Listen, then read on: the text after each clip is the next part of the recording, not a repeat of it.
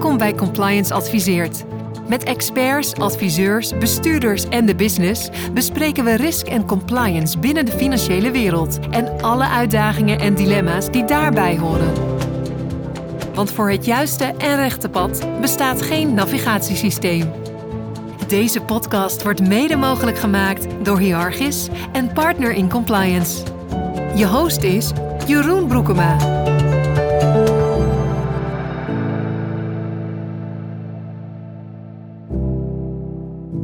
Welkom luisteraars bij een nieuwe aflevering van Compliance Adviseert. Vandaag gaat het over een goede governance en de onmisbaarheid daarvan als onderdeel van een solide en integere organisatie. Een Raad van Commissarissen, RVC, levert hieraan een belangrijke bijdrage middels zijn toezichthoudende en adviesfunctie. Veel eh, compliance professionals in senior rollen zullen contact met hebben met de RVC. Wat is de taak van de RVC nou eigenlijk precies? Hoe ziet de relatie tussen de RVC en de compliance officer precies uit? En hoe kunnen ze elkaar versterken in die rol? Suzanne de Boer Verheij, Nicolette Jager, Marlene Jans, Carolien Merkens, Roland Notermans en Cora Wielinga deden er onderzoek naar. En twee van deze zitten vandaag bij mij aan tafel. En dat zijn Suzanne de Boer Verheij. Welkom Suzanne. Hi. Leuk dat je er bent. En Roland Notermans. Welkom. Dankjewel. Leuk dat jullie de tijd nemen om met mij, uh, met mij in gesprek te gaan voor, voor deze podcast. En ik heb het met heel veel enthousiasme en interesse gelezen, wat jullie uh, hebben gedaan. En voordat we in dat onderzoek duiken en over dit onderwerp verder gaan praten, eerst heel veel interesse naar jullie. Suzanne, mag ik jou het woord geven? Misschien kan jij jezelf introduceren. Ja, nee, graag. Nou, ten eerste fijn om hier te zijn. Ik vind het erg leuk dat we zijn uitgenodigd. En um, nou goed, mijn naam is Suzanne. Ik ben director bij RSM, Business Consulting Services. En ik hou me daar bezig met het thema corporate governance en culture. Ik heb zelf ooit organisatiewetenschappen gestudeerd, omdat ik geïnteresseerd was in het gedrag van mensen in de context van een organisatie. En daar werk ik eigenlijk nog steeds mee. Ik heb een tijd gewerkt als compliance officer bij DNB, heb ook een tijdje toezicht gehouden op gedrag en cultuur. En nu, vanuit um, de rol in de consultancy, houd ik me bezig met vraagstukken op het gebied van gedrag en cultuur in organisaties. Ja, mooie introductie. En je zei bij, bij de Nederlandse Bank, hè, gedrag en cultuur. Was dat toen al een groot onderwerp daar of was dat in opkomst? Het was in opkomst. Ik ben daar in 2012 gestart. Toen was net die uh, financiële crisis achter de rug. En bij DNB werd toen ook geconcludeerd van we, onze huidige manier van toezicht houden mist dus zaken. En toen zijn er een aantal mensen geweest die daar dus um, gestart zijn met een hele nieuwe aanpak. Waar, waarbij eigenlijk ook de eerste psychologen dus in dienst kwamen van DNB. En zij hebben die hele aanpak um, gestart, waarbij werd gekeken naar gedrag en cultuur. Dat was voor de sector toen vernieuwend en ook best spannend. En tegenwoordig is het dan een stuk normaler om uh, over die thema's te spreken. Ja, ja. En even nog ter introductie, dan gaan we naar jou, Roland. Maar wat is er zo mooi aan het compliance vak? Nou, ik ben wel een compliance officer 2.0, want ik heb helemaal geen juridische achtergrond en ik kijk dus altijd naar, maar waarom doen mensen nou wat ze doen? Of waar, vooral vaak, waarom doen ze nou niet wat je doet, wat je wil dat ze doen? En dat vind ik eigenlijk de meest fascinerende vraag. Hoe ga je er nou voor zorgen dat mensen begrijpen waarom er regels zijn, zodat ze ze ook vervolgens um, op intrinsiek gemotiveerde wijze willen naleven. Ja, dat precies. vind ik interessant. Ja, ja, vooral het woord intrinsiek. Het is dan het eerste waar ik inderdaad ook aan denk. Uh, Roland, zou jij jezelf ook willen introduceren? Ja, natuurlijk. Dankjewel. En dank voor de uitnodiging. Ik heb uh, 25 jaar gewerkt als uh, jurist en compliance professional bij een hele grote multinational. In heel veel verschillende functies. En kreeg na 25 jaar de kans om mijn eigen bedrijfje uh, te starten. En uh, heb met heel veel dank afscheid genomen van mijn collega's. Maar was erg blij om vooral mijn tijd te kunnen besteden aan compliance. Wat twaalf jaar geleden nog helemaal niet een logische keuze was. Zeker niet in de niet-financiële sectoren waar ik actief ben. En ik heb mijn bedrijfje bewust NUX Compliance Consultancy genoemd. Want af en toe moet je harde noten kraken. En ook durven kraken als een soort hofnar van de CEO dingen durven spiegelen die niemand hem of haar durft te vertellen. Um, dus vandaar dat het uh, Latijnse woordje nux in mijn uh, titel voorkomt. En ik heb eigenlijk in de afgelopen twaalf jaar meer dan 100 commerciële bedrijven en organisaties mogen adviseren. En bijna 2000 mensen voor mijn neus gehad in workshops, seminars, webinars en andere cursussen. Omdat ik uh, geloof dat we compliance vooral moeten terugbrengen tot de essentie en de eenvoud. En moeten vereenvoudigen waar mogelijk. En verder benadrukken dat het ieders verantwoordelijkheid is om zich verantwoord te gedragen. Ik heb helemaal niks met het woord compliance en de mensen in de meeste commerciële organisaties nog veel minder. Maar ik heb heel veel met ethiek en met verantwoord zakelijk gedrag. En waar het mij om gaat is dat mensen snappen dat we met het risico van iemand anders spelen en de reputatie van iemand anders. En dat brengt een enorme verantwoording met zich mee. En door het op die manier te positioneren, kun je terugbrengen tot de individuele verantwoordelijkheid van elke werknemer. Als je het vak anders zou willen noemen dan compliance, hoe zou je het toen noemen? Ethiek? Nee, zeker niet. Ik zou het responsible business behavior noemen. Want ethiek is een heel gevoelig onderwerp en daar kunnen we uren over praten en een podcast over maken. Maar um, wat wij in Nederland onder ethiek verstaan, is misschien in eh, Afrika of het Verre Oosten uh, een heel andere inhoud. En we moeten vooral niet neocoloniaal vinden dat wij dan maar even onze eh, normen en waarden daar moeten opknallen, maar vooral de dialoog aangaan en zeggen: waar gaat het nou echt om? En wat proberen we met deze afspraken onderling te bereiken? En je zei dat je uh, voor jou dat het geen, tenminste, het was niet zo'n logische keuze om deze kant op te gaan. En waarom heb jij dan toch besloten deze route te gaan volgen in je loopbaan? Omdat, het, omdat mijn hart daar lag en omdat ik merkte dat we uh, compliance op een volstrekt verkeerde, bijna puur juridische methode uh, introduceerden. Uh, waarbij de compliance officers de nieuwe lepra-leiders werden in de organisatie, die je vooral moest mijden. En ik, ik, ik probeerde een heel andere bril op te zetten en te zeggen: we kunnen het ook omdraaien in een soort omdenken. En daar wil ik wel op aansluiten, want wat zo grappig is, mijn eerste, ik startte mijn carrière bij de Rijksoverheid en toen kwam ik in aanraking met het thema integriteit in de publieke sector. Hè, wat is goed ambtenaarschap? Vanuit die positie ben ik overgestapt naar de Nederlandse Bank en daar kwam ik in aanraking met het thema compliance. En dat was eigenlijk veel meer de juridische kant. Dus jij vroeg net ook van nou, um, wat maakt compliance zo leuk? Het gaat mij ook vooral om dus die vraag: wat is nou inderdaad het juiste gedrag? En dat bereik je niet alleen met regels naleven, maar juist met nadenken. Wat hebben die regels nou eigenlijk tot doel en waarom? En dan, hoe verhoudt zich dat tot wat we eigenlijk willen? En mijn streven is ook vaak geweest, dat zei ik al bij DNB, het mooiste zou zijn als je de compliance afdeling kan opheffen, omdat iedereen gewoon begrijpt en intrinsiek gemotiveerd is om het juiste te doen, zodat we geen regels meer nodig hebben. Inmiddels weet ik dat is een idee fix, daar gaan we misschien niet komen.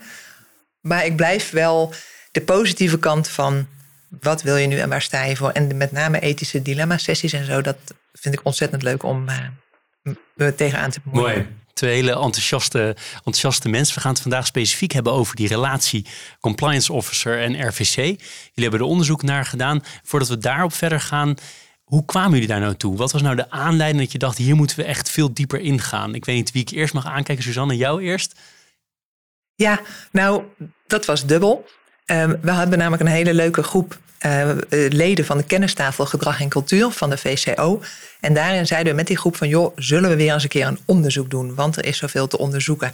Toen waren er zes die dus hun vinger opstaken, dat willen we wel. En toen kwam natuurlijk de vraag, wat onderzoeken we dan? En uit onze ervaring bleek eigenlijk, of eh, hebben we meegemaakt, dat die relatie tussen compliance officer en RVC, dat die wellicht voor verbetering vatbaar is. En we wisten ook uit onze ervaring dat zowel RVC-leden als compliance officers daar best wel eens mee worstelen met hoe ga je nou met elkaar om. Dus dat was voor ons aanleiding om in eerste instantie te onderzoeken naar wat compliance officers daarvan vonden, hoe die die relatie percipieerden en wat ze nodig zouden hebben. Toen was dat af. Toen zeiden we ja, maar dan die andere kant. Toen hebben we die andere kant onderzocht. En dat heeft ook weer een nieuw artikel geresulteerd. En uiteindelijk is er een eindartikel gekomen waarin we het naast elkaar hebben gezet in de gedachte om dan beide visies met elkaar naast elkaar te leggen. En die, die relatie voor verbetering vatbaar is, ehm, is dat iets wat heel evident is in, in, in de markt? Uh, is het heel duidelijk voor RVC, voor, voor commissarissen of voor compliance officers dat er wat te verbeteren valt?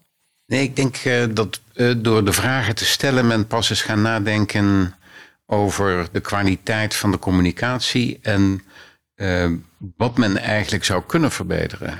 Uh, het, leuke aan onze beide onderzoeken was dat de partijen over en weer redelijk tevreden waren, totdat ze aan het eind van de vragenlijst geconfronteerd werden met een aantal uh, verdiepende vragen en zich realiseerden heel vaak, hmm, aan het eind van deze enquête komen we eigenlijk tot de conclusie dat we waarschijnlijk nog niet de goede vragen gesteld hebben en ook niet de juiste rapportages hebben ontvangen die we eigenlijk nodig hebben in het kader van de verbreding van onze verantwoordelijkheden. Want dat was het tweede element waarom we hier uh, mee zijn gestart met beide enquêtes. Dat is dat je maatschappelijk ziet, bijvoorbeeld onder invloed van de ESG-invloeden, maar bijvoorbeeld ook onder invloed van MeToo, dat de nadruk op een ethische cultuur en integriteit steeds belangrijker wordt om uiteindelijk de strategische doelen te kunnen bereiken.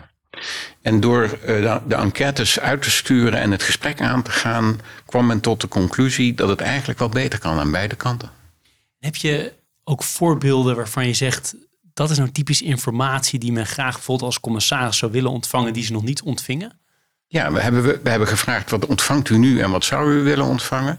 En dan heel traditioneel en ook heel begrijpelijk, zie je dat de meeste compliance professionals rapporteren hoeveel e-learnings hebben we gedaan en hoeveel mensen hebben die gevolgd, hoeveel meldingen hebben wij ontvangen en hoeveel onderzoeken hebben we gedaan, hoeveel disciplinaire maatregelen hebben we opgelegd. Een aantal typisch, uh, ik noem het even old school, 1.0, uh, harde cijfers die je kunt geven. En tegelijkertijd zeggen de commissarissen, maar als we het nou hebben over uh, risicomanagement, over incidenten, over verkeerde perverse prikkels, bijvoorbeeld in de financiële sector. Um, zien jullie dan uh, een mogelijkheid om ook te gaan rapporteren over jullie visie op de cultuur, jullie visie op uh, het beloningsbeleid, jullie toekomstige ontwikkelingen waar risico's uit voort kunnen komen die wij nu nog niet zien? Nee. Dan is het wel zo, hè, eerlijkheid gebied te zeggen het waren keuzeopties. Waarover zou je meer geïnformeerd willen worden? Konden ze aanvinken en geen uh, limiet eigenlijk op het aantal, het aantal antwoordcategorieën. En ik denk wel dat dat dus ook iets heeft getriggerd van, oh, maar dat zou wel interessant zijn natuurlijk. En dan kom je ook met die binaire dingen, die zijn relatief eenvoudig te rapporteren. Waarbij aangeven inderdaad van wat gebeurt hier nu echt of hè, welke gedragspatronen zien we. Dat vraagt wel van de compliance officer een andere blik als van um, de, de commissaris om daarnaar te vragen natuurlijk. Dus we denken ook, hè, wat Roland net zei, van ja, aan het eind kwamen mensen tot de conclusie dat ze misschien niet de juiste dingen vragen. Dat zou best eens getriggerd kunnen zijn, doordat wij dus dat voorbeeld hebben gegeven van weet je wat allemaal misschien wel heel relevant zou kunnen zijn voor jou. Wel mooi, het is ook eigenlijk een sturend onderzoek geweest wat dat betreft. Bewustwording vergotend, ja zeker. precies. En is het uiteindelijk, zou je kunnen zeggen dat het ook een beetje een draai is van alleen kwantitatief rapporteren naar ook kwalitatief rapporteren? Of kun je dit soort dingen ook kwantitatief meten? Het kan wel, hè, want je kunt cultuuronderzoeken doen door middel van vragenlijsten, et cetera. Maar ik vind wel dat die uh, onderzoeken hebben pas weer waarde door het gesprek erover te voeren. Want als je dat doet, dan kan je anders zeggen: 81% ervaart een veilige cultuur. Oh ja, maar wat ervaart dan die 19%? En waarom hebben zij dan geniet gezegd? En is het ook zo bij die 81% of hebben ze geen zin meer om deze vragenlijst in te vullen? dus ook weer dan zijn alleen die cijfers kunnen nooit het hele plaatje schetsen. Helder. Maar het is wel de moeite waard om uh, daar toch nog weer aandacht voor te vragen, omdat cultuurenquêtes weinig worden ingezet. Het is eigenlijk heel erg jammer, want het is een prachtig instrument indien je jaar na jaar dezelfde vragen stelt, om dan te kijken of jouw uh, programma, wat je probeert breed uit te rollen en onderdeel van leiderschapstrainingen en gedrag en cultuur te maken, uh, door de loop der jaren effect sorteert. En dan moet je niet denken aan, oh we zitten op een 6 en over twee jaar zitten we op een 8. Dat gaat heel uh, traag over het algemeen. Maar zelfs als je het als onderdeel zou maken van een medewerkerstevredenheidsonderzoek en nou, laat ik zeggen een paar dozijn vragen zou mogen toevoegen op het gebied van integriteit, cultuur, uh, omgangsvormen, respect, uh, het, en ga ze maar door. Dan uh, heb je een hard meetpunt wat je bespreekbaar kunt maken en geeft tegelijkertijd input voor je activiteiten en je prioriteiten het jaar daarna. Ja. En het uitrollen van zo'n vragenlijst hè, of een meting kun je sowieso natuurlijk altijd aanvullen met diepte-interviews. Maar het instrument aan zich leidt ook al tot bewustwording of soms gedragsverandering, omdat het ook sommige mensen die bepaalde vak hebben of heel technisch bezig zijn, daar misschien ook niet altijd bij stilstaan. En als je toch even moet stilstaan om een vragenlijst in te vullen, dan gebeurt er toch weer wat. Helder. En als we gewoon eens kijken naar die rol van die, van die commissaris. Hè? Op dit gebied Wat vinden jullie nou dat de reach van die commissaris zou moeten zijn als het gaat om gedrag en cultuur, om in, op, op het integriteitsvlak? Waar begint en eindigt dat? Begint vooral met het gesprek. En, en een, een helder gevoel eh, ontwikkelen voor de cultuur uh, van de organisatie. En met name daar waar uh, de continuïteit of de lange termijn waardecreatie in gevaar zou, gebracht zou kunnen worden. Want uiteindelijk zitten de commissarissen natuurlijk ook voor het grotere plaatje en het grotere geheel. en dan hebben we misschien dadelijk ook gelijk een brug naar stakeholder management. Um, ik denk dat juist de commissarissen het grotere plaatje uh, in de gaten zouden moeten houden en daarbij helder voor ogen hebben uh, of de organisatie in staat is om de kernrisico's te adresseren, te beheersen en of er uh, bijvoorbeeld, dat hebben we natuurlijk eerder gezien, perverse prikkels in de organisatie bestaan. En ik noem dat eigenlijk met een heel moeilijk woord congruentie, maar je zou het kunnen vervangen door consistentie. Als jij laat ik zeggen, bij een bierbrouwer zegt: we vinden het heel belangrijk om uh, ons merk te promoten, maar het moet wel op een verantwoorde, eerlijke, duurzame manier. Uh, met een achtneming van uh, respect voor onze gedragscode en integriteit, inclusiviteit. En tegelijkertijd beoordeel je ieder jaar weer alle verkopers alleen maar op hectoliters bier verkopen dan hebben we nog steeds in Nederland een heel duidelijk gezegde dat het hemd iets nader is dan de rok. Dus als je bananen wil verkopen, krijg je ook verkopers die bananen verkopen. Ja, dat is mooi. Een heel mooi voorbeeld. Hebben jullie meer van dit soort voorbeelden? Want die spreken bij mij heel erg aan. Ook voorbeelden met name van, jij noemt het nu twee keer Roland, de perverse prikkels. Hè? En dan met name in de financiële sector. Hebben jullie daar meer voorbeelden van? Jeroen, je ziet dat in organisaties heel vaak eh, de nadruk wordt gelegd op toon at de top. En als ik heel eerlijk ben, uh, ken ik niet heel veel organisaties, althans in die honderden, honderd organisaties die ik heb uh, mogen adviseren, waar de Raad van Commissarissen of de Raad van Bestuur de neiging had om de kantjes ervan af te lopen en de allerscherpste randjes op te zoeken. We moeten ons veel meer zorgen maken over de tone at the middle en de rumble at the bottom. Want als ik heel eerlijk ben, in de middel zitten de mensen die die baan in de top willen.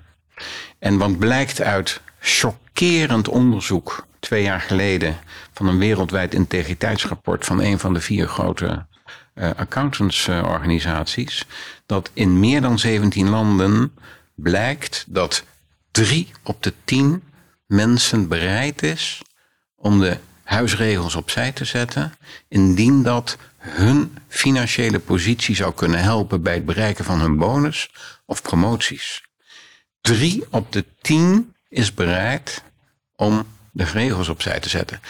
Dat zijn de gevaarlijke prikkels waar men echt zorgen over moet maken. Want het middelmanagement zit 1200, 1400, 1600, 1800 uur per jaar in jouw nek te hijgen. En bepaalt de sfeer en de cultuur in de afdeling. Niet die top in de raad van bestuur, waar ze misschien één keer per jaar een filmpje of een webinar mogen meemaken. Dus wij moeten ons veel meer, denk ik, richten op leidinggevenden. Als zij niet het goede voorbeeld geven, als zij rare dingen doen, wordt dat onmiddellijk zichtbaar voor de teamleden. En als uh, die teamleden denken, ik kom er wel mee weg en we kunnen nog wat ritselen en regelen. Dan... Maar dit is een heel interessant voorbeeld, hè? want kijk, als ik nu een executive ben en jij bent mijn adviseur op dit moment en ik hoor dit aan, dan word ik heel bang. Dan denk ik, oké, als 3 op de 10 ook voor Nederland geldt, dan is dat zorgwekkend. Want het is potentieel dus nou ja, richting uh, corrupt gedrag, noem ik het maar even. Maar dan is natuurlijk de vraag, dan ben ik RVC-lid, het thema van, dit, van deze podcast. En ik kom, mijn informatievoorziening heb ik uh, nou verbeterd. En ik kom via via toch wel redelijk op de hoogte dat dit speelt in mijn organisatie. Wat waarschijnlijk is als je een grote organisatie hebt, dat het in ieder geval ergens leeft. En dan, wat ga ik dan doen? Nou, um, wat je dan kunt doen, je kunt natuurlijk weer speciale trainingen geven voor managers. Want die toon in de middel is inderdaad, wat Roland net zei, die mensen willen omhoog. Dus die zullen zichzelf ook beter willen profileren. Dus het is ook belangrijk dat het voor hen duidelijk wordt, waarop word jij beloond? En is dat dan inderdaad à de bierverkopers op de hoeveelheid sales of op de veiligheid in jouw team en natuurlijk ook wel de prestaties. Hè? Want als je een team hebt wat alleen maar veilig en gezellig is, maar er gebeurt niks, dan heb je dat wil je voor je bedrijf ook niet. Um, maar je kunt natuurlijk wel of met die managers in gesprek, of ook weer die managers trainen en heel duidelijk maken welk gedrag je van hen verwacht. Want managers hebben ook de mogelijkheid om allerlei signalen uit het team af te stoppen. En waardoor het niet de top bereikt. En dan kan de top toch denken dat jij een prettige, leuke manager bent. Terwijl er in dat team van alles niet goed gaat. Of het escaleert een keer dusdanig dat je allemaal verbaasd zit te kijken hoe dit toch nooit iemand heeft gezien, zeg maar. Dus ik denk dat het goed is, altijd, om met die managers dezelfde lijn te hebben. Als die je dus verwacht van de toon. Uh, van, van het bestuur, zeg maar. Dus van de toon van de top. En Wieke Scholt heeft er ook ooit mooi onderzoek naar gedaan. die had ook dat onderzoek van, nou eigenlijk is de cultuur in een team veel bepalender voor het gedrag van mensen dan de toon from the top. Want dat is wat je zo nu en dan hoort en dat is altijd prachtig. Alleen hoe het er echt aan toe gaat, dat meet je toch af aan je peers. En een soortgelijk artikel wat jij net ook aanhaalde, is ook een heel mooi artikel. Dat heet It's Lovely at the Top. Dat gaat er ook over hoe mensen, hoe hoger in de organisatie, hoe rooskleuriger het beeld is wat je hebt van de organisatie. Want je kent niet altijd meer de dilemma's die spelen op de werkvloer. Of de uitdagingen die een strategie met zich meebrengt. Ik ken bijvoorbeeld ook een mooi voorbeeld. Als een organisatie zegt we willen meer verdienen, maar minder risico nemen. Nou, wie komt dan in die spagaat? De mensen die met de klanten in gesprek zitten of de mensen die investeringsbeslissingen moeten nemen. En dan is het natuurlijk fantastisch dat een directie zo'n strategie kiest. Alleen die zijn zich dan niet bewust of niet voldoende bewust wat dat op de werkvloer betekent. Dus dan moet je ook zorgen dat je dat gesprek voert met die werkvloer. Is dit haalbaar? Wat hebben jullie nodig? Want anders is het een recept eigenlijk voor het creëren van ongewenst gedrag. Want de mensen moeten toch die investeringen doen. Of ze moeten geen risico nemen. Nou, zeg het maar. Dus uiteindelijk, als ik even mijn eigen woorden soort van samenvat, is het openheid, het gesprek aangaan aan de ene kant en aan de andere kant de getting the incentives right, om maar even in het Nederlands te zeggen. Ja. Zijn dat de twee hoofdelementen? Ja, ik denk dat het inderdaad een, een goede samenvatting is. Dus van de ene kant is het zorg dat jouw management ook goed weet wat er van ze wordt verwacht en dat de incentives right zijn. En besef ook vanuit de top dat als je een strategie ontwikkelt of verwachtingen oplegt aan de organisatie, dat die zo moet zijn dat die geen perverse prikkels oplevert. Helder. En wat mij betreft vanuit de commissaris is het essentieel dat je uh, erop toeziet dat er een lerende cultuur mag zijn. Amy Edmondson, hoogleraar Harvard, uh, heeft in haar uh, onderzoek aangetoond dat een cultuur die inclusief, divers, maar vooral lerend is en waar mensen zich veilig voelen om uh, bijvoorbeeld hun eigen gemaakte fouten aan de orde te mogen stellen. En dan hebben we het over fouten die per ongeluk gemaakt zijn, niet opzettelijk. Veel sterker zijn in innovatiekracht, in winst genereren en groeiversnellers zijn. Dus er is heel veel voor te zeggen om te samen proberen dat pad richting een lerende, open, respectvolle uh, organisatie te worden. En dat begint, zowel bij de commissarissen als de raad van bestuur, met het accepteren dat we, en dat roep ik dan toch maar even met een raar woord, hofnarren dulden. Wij zijn in Nederland heel slecht in het luisteren naar klokkenluiders. Dat is een, ook een woord dat we absoluut eigenlijk nooit meer moeten gebruiken. Maar een groot keizer duldt een hofnaar naast zich. En eigenlijk is dat een van de leukste vragen die wij ook in ons onderzoek hebben gezien. Uh, zijn er zaken die jij eigenlijk niet durfde te vertellen? Of zijn er zaken waar je heel lang je woorden moest kiezen om dat hier aan de orde te durven stellen? Ja. En, uh, en dan zie je dus uh, in een organisatie waar bijvoorbeeld de compliance functie wel alleen met de Raad van Commissarissen mag praten, zonder de aanwezigheid van de directie, dat je veel meer een vertrouwensrelatie kunt opbouwen en elkaar uh, zaken uh, kunt vertellen en bespreekbaar maken voordat er een crisis ontstaat. Ja, want dat is een heel mooi bruggetje naar het, een subonderwerp waar ik het heel graag met jullie wel over, eh, over wil hebben. Dat is, je hebt die raad van commissarissen, je hebt die executives en dan heb je die compliance officers. Je hebt nog meer partijen, maar even deze drie. Die verhoudingen. Blijkt nou uit jullie onderzoek dat die compliance officers in de meeste gevallen een directe relatie met die non-executives hebben of juist niet? meestal is het uh, uh, heel duidelijk dat het een relatie is met de raad van bestuur. Iemand uit de raad van bestuur. Um, de relatie naar de commissarissen is vele malen voeliger en ingewikkelder. Lang niet altijd rechtstreeks, soms via de boord, soms via een andere functionaris. En wat wij het meest frappant vonden, is dat uh, de commissarissen de compliance professionals tutoyeren, maar omgekeerd niet. En dat geeft natuurlijk ook een duidelijke afstand en mogelijkerwijs een, ja, laat ik zeggen, een drempel of een angst om uh, gezamenlijk voor, voor hetzelfde doel te staan. En dat staan we eigenlijk natuurlijk wel. Ik, ik roep al jaar, we moeten het helemaal niet over compliance hebben. We moeten het hebben over, zo zijn onze manieren. Zo doen wij hier zaken. Dit is de DNA van deze organisatie. En het moet in de leiderschapstrainingen terechtkomen in plaats van aparte trainingen. Nou, ook al roep ik het al jaren, het lukt niet. Hè, want nee, er moet toch een e-learning komen over anticorruptie en over mededinging en een heleboel andere onderwerpen. En ik begrijp dat tot op zekere hoogte heel goed.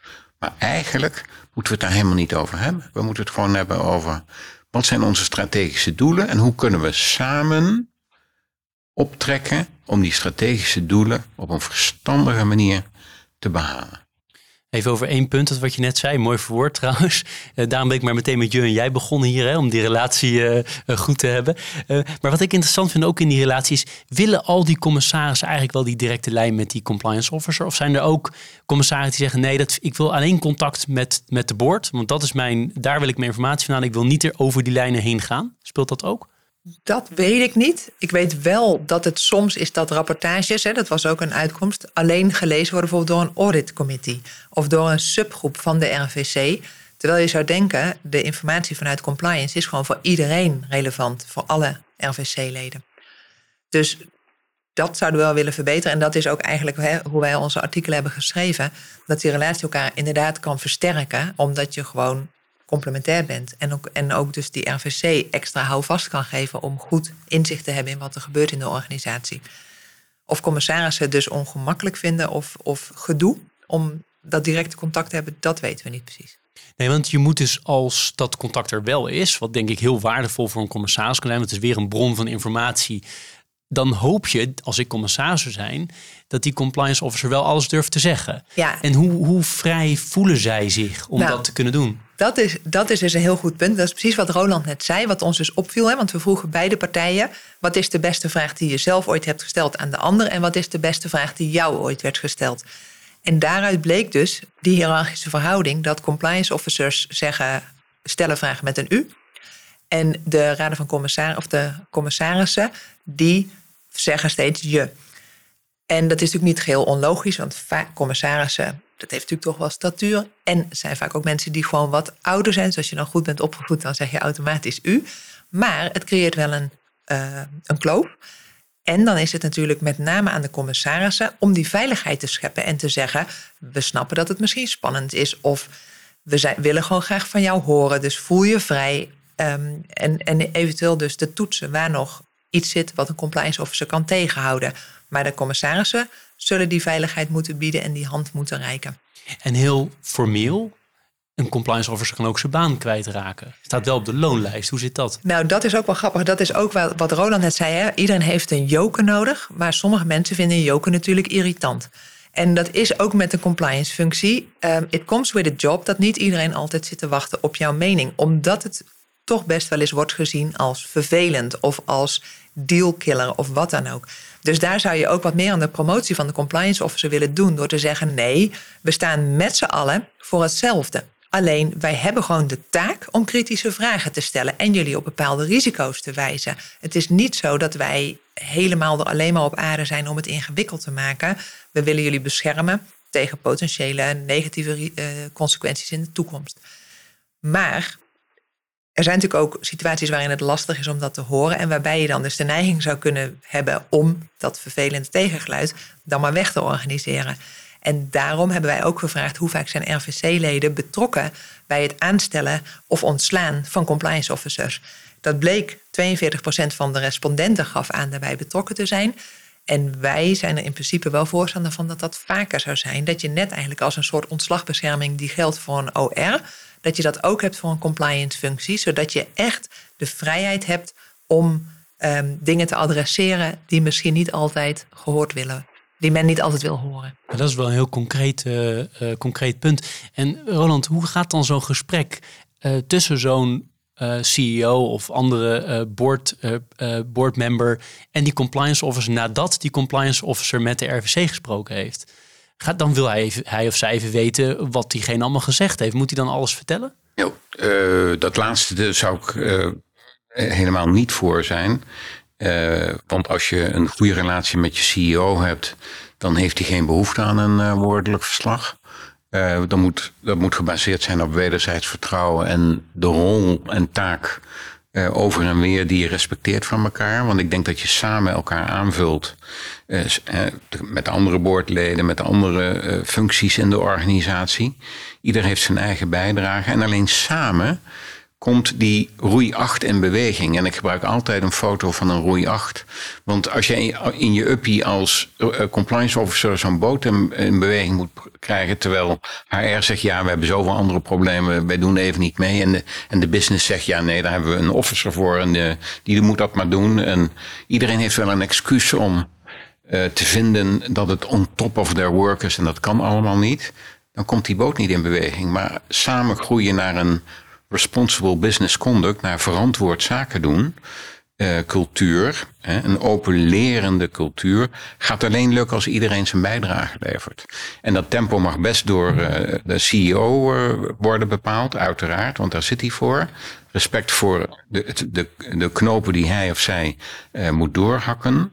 Maar een gesprek dat je hebt met de Raad van Commissarissen over jouw blik uh, op de organisatie en de risico's die jij ziet ontstaan of kunnen gaan ontstaan, behoort tot de taken van de compliance functie, waar, waar je in vrijheid uh, over zou moeten kunnen praten. Overigens zou ik hopen en verwachten dat de inhoud van zo'n gesprek niet heel anders is dan het gesprek dat je rechtstreeks met de CEO zou willen hebben. Want als dat daadwerkelijk afwijkt, is er ergens in een van de twee relaties iets niet helemaal ideaal. En ik geef al een jaar of zes uh, workshops aan commissarissen en bestuurders bij de Governance University. En daar zie ik dat oude, uh, oudere uh, denken van je mag niet praten met de commissarissen eigenlijk niet meer terug. Dat is een nieuwe generatie commissarissen die daar naartoe komen en die heel open en heel transparant en heel direct proberen uh, gezamenlijk de strategische doelen mogelijk te maken. Helder, helder. Ja, nee, ik, ik, kan me helemaal voorstellen als een van de partijen de relatie moet gaan managen, dan weet je eigenlijk al voldoende, toch? Dan is er wel iets aan de hand. Dat wens je niemand toe hoor. Nee, nee. Wat wel heel erg leuk is, is uh, om de brug te slaan naar het grotere geheel. Want we hebben het nu uh, de afgelopen periode gehad over de relatie met de Raad van Bestuur en de Raad van Commissarissen. De meeste compliance professionals, en we hebben er enige duizenden in Nederland, hebben natuurlijk nooit een gesprek met de commissarissen, omdat ze dood eenvoudig weg niet op de stoel van de hoofdcompliance uh, zitten. Hoewel ze dat misschien wel zouden willen. Maar het aardige van het onderzoek vinden wij met z'n zessen, en vandaar dat we ook uh, proberen daar de komende periode nog wat aandacht aan te besteden, is dat we vinden dat elke compliance professional kan leren van het onderzoek door zich te realiseren dat wat we nu op de automatische piloot iedere maand, ieder kwartaal aan het doen zijn, aan het monitoren, aan het rapporteren, eigenlijk misschien niet meer van deze tijd is. Als we het hebben over 2.0 of 3.0, dan zouden wij er eigenlijk voor willen pleiten om te zeggen: ga eens in gesprek met je stakeholders, ga eens in gesprek met die leidinggevenden. Vaak zijn leidinggevenden benoemd omdat ze het beste medewerker in het klasje waren op het gebied van A, B, C of D. Maar dat betekent helemaal niet dat ze allround managers zijn en op alle aspecten uh, alles vanaf het allereerste begin uh, goed kunnen. Ondersteun hen, help hen, vraag hen hoe, hoe jij hen kunt ondersteunen om zijn of haar tien doelen dit jaar of volgend jaar te kunnen bereiken. En over en weer. Ik rapporteer, ik geef jou deze informatie. Heb je daar iets aan? Kun je er iets mee?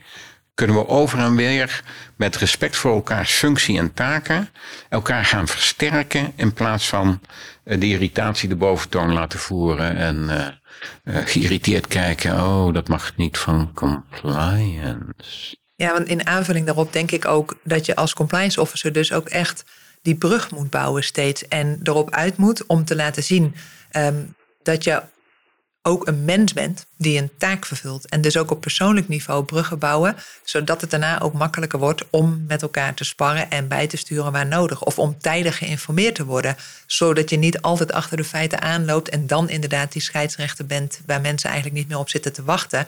Maar zodat je van tevoren mee kunt sparren en al kaders mee kunt geven en die teleurstelling voorkomt van wat wel of niet kan.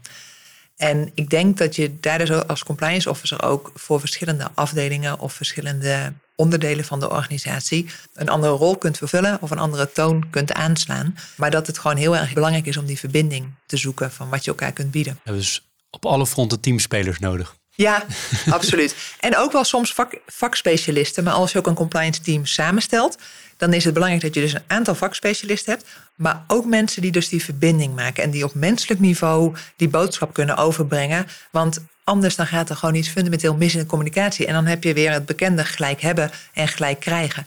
En dat is zo zonde eigenlijk als dat misloopt. En dan zou ik aan willen toevoegen, ga eens een keer op die andere stoel zitten. Ga eens een keer aan de andere kant van de tafel zitten. Verplaats je in je ontvanger van je boodschap verplaats je in die manager die 783 dingen voor elkaar moet boksen dit jaar, waarvan hij echt niet weet hoe hij dat, hij of zij dat moet doen. Zodra je de ontvanger van je boodschap beter begrijpt, kun je heel veel beter communiceren en steunen en een bijdrage leveren. En uiteindelijk staan we allemaal voor hetzelfde doel, om te proberen de strategische doelen van de organisatie mogelijk te maken. Helder. En wat daar ook misschien nog een mooie aanvulling op is, en wij zitten dus ook bij de kennistafel gedrag en cultuur. En het MeToo-discussie ongewenst gedrag op de werkvloer is natuurlijk een hot topic van het afgelopen jaar.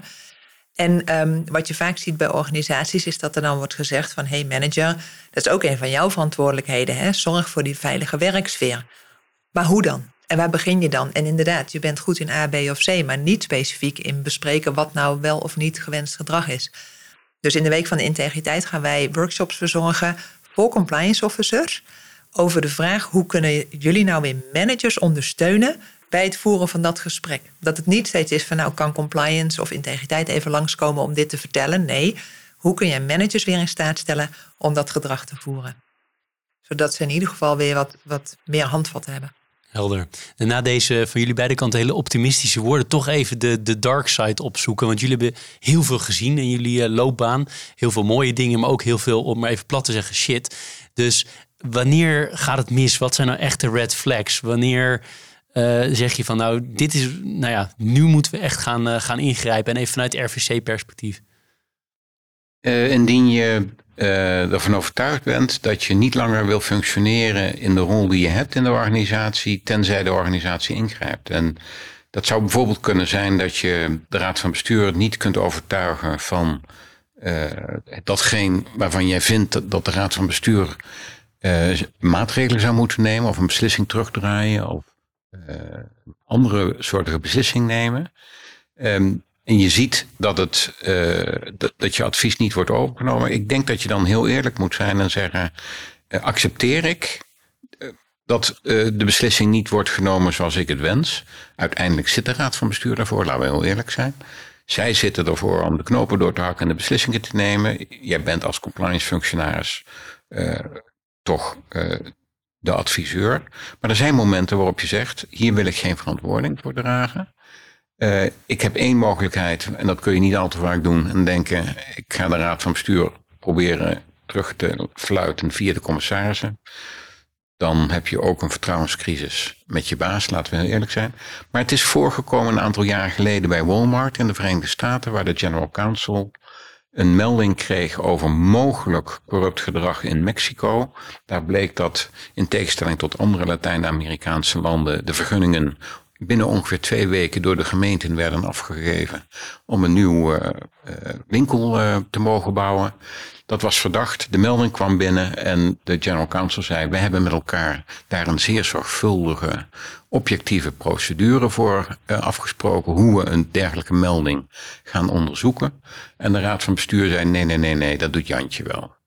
Waarop de dame in kwestie zei: Sorry, we gaan niet afwijken van wat we met elkaar hebben afgesproken. Dat doen we op een zorgvuldige, onafhankelijke manier. Nee, laat Jantje dat maar doen. Tot driemaal toe is ze overroeld en toen heeft ze gezegd: Als jullie bij dat besluit blijven, dan neem ik ontslag, want hier ga ik geen verantwoording voor dragen. Ze heeft ontslag genomen en ze heeft gelijk gekregen. Want via een tussenpersoon in Mexico werd geld betaald aan, over, aan ambtenaren om de vergunningen sneller te geven. Dat is een moedig besluit, maar uiteindelijk zul je bereid moeten zijn, vind ik, om, uh, om zo'n stap te nemen als je gelooft in wat je probeert uh, te bereiken in de organisatie. Helder.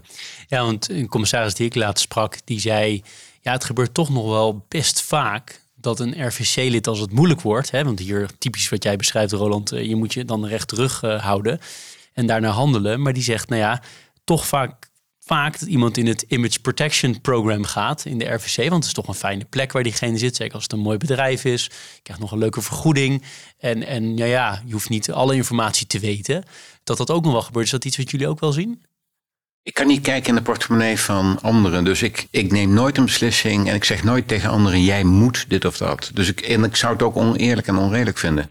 Want als we kijken naar het Wells Fargo bankschandaal in de Verenigde Staten, waar 5300 mensen bezweken onder de immense druk van hun salesdirecteur, die zei: cross-selling, cross-selling, cross-selling. Wie ben ik om 5300 mensen te veroordelen dat ze door de knieën gingen? Ik weet niet wat hun financiële situatie was. Ik weet niet hoeveel hypotheken ze hadden, hoeveel kinderen nog moesten studeren. Dus ik kan alleen maar zeggen, ik begrijp de situatie, want uh, zij vonden zichzelf niet de crimineel, maar hoofd sales. Terug naar het onderzoek. Zijn er nog opvallende bevindingen of uit jullie eigen ervaring op het gebied van de relatie RVC Compliance Officer waarvan je zegt dat moet hier wel echt genoemd worden? Nee, veel is al genoemd. Ik denk wel Um, wat ik opvallend vond, hè, was dat we vroegen naar wat is nou de beste vraag die jou ooit is gesteld. En de oost daarvan vond ik niet zo indrukwekkend. Dus wat mensen opschreven als dit vond ik nou echt eens een goede vraag. Van al die vragen die werden genoemd, waren eigenlijk maar een handjevol waarvan ik dacht, maar hier vraag je echt iets fundamenteels. Hier ga je echt naar die kern van wat gebeurt er nou echt in deze organisatie. Dus dat, um, dat verdient nog wel wat aandacht van hoe stel je nou de juiste vragen. Helder. Als afronding, uh, we hebben in deze podcast zijn er ook altijd tips aan compliance officers. Nou, ik kan hem ook nog uitbreiden. Misschien hebben jullie een tip voor de commissaris en een tip voor de compliance officer. Als het je nummer één tip uh, zou zijn, wat zou je dan uh, geven? Laten we zeggen eerst aan de commissaris. Luisteren, luisteren, luisteren. Maar dat geldt voor beide partijen wat mij betreft. En durf je kwetsbaar op te stellen en het gesprek aan te gaan we hebben het al die jaren op deze manier gedaan. Kunnen we eens even herijken of dat nog bij de tijd is? En vooral, wat heerlijk dat we van elkaar mogen leren. Wat kan beter? Ik, ik ben verslaafd aan leren en ik ben buitengewoon nieuwsgierig. Dus ik wil altijd horen, wat was goed en wat kan er beter? Luisteren en leren. Nou, Suzanne, er wordt lastig om daar nog wat aan toe te voegen. Ik zou voor commissarissen echt pleiten, biedt die veiligheid aan die compliance officer dat hij of zij zich echt goed durft uit te spreken. En ik zou voor compliance officers ook zeggen, verdiep je in de positie en de informatiebehoeften van die ander of vraag er in ieder geval naar, zodat je ervoor zorgt dat die persoon ook echt de informatie krijgt waarmee hij of zij effectief kan functioneren. Zo, prachtig, prachtig einde. Luisteren, leren, veilige omgeving en de informatiepositie zorgen dat die, eh, die op orde is, eh, alle kanten op. Ik wil jullie heel hartelijk bedanken voor jullie tijd. Heel interessant. Ik heb in ieder geval, als ik naar die punten kijk, eh, heel veel geleerd in een veilige omgeving en ook veel geluisterd. Ook hier en daar wat vragen mogen stellen. Ik ga jullie na deze aflevering een klein cadeautje geven om jullie te bedanken voor je tijd. Maar voor nu heel, erg, heel erg bedankt. Graag gedaan. Dankjewel. Je luisterde naar Compliance Adviseert deze podcast werd mede mogelijk gemaakt door Hiargis en Partner in Compliance. Meer weten of een reactie achterlaten? Dat kan op onze LinkedIn. Als je ons daar volgt, ben je bovendien altijd op de hoogte van nieuwe afleveringen. Natuurlijk zijn we je zeer dankbaar als je een review achterlaat en meer mensen vertelt over deze podcast. Vergeet ook niet te kijken naar de andere podcasts op ons kanaal. Er zit vast iets tussen dat je aanspreekt. Bedankt voor het luisteren.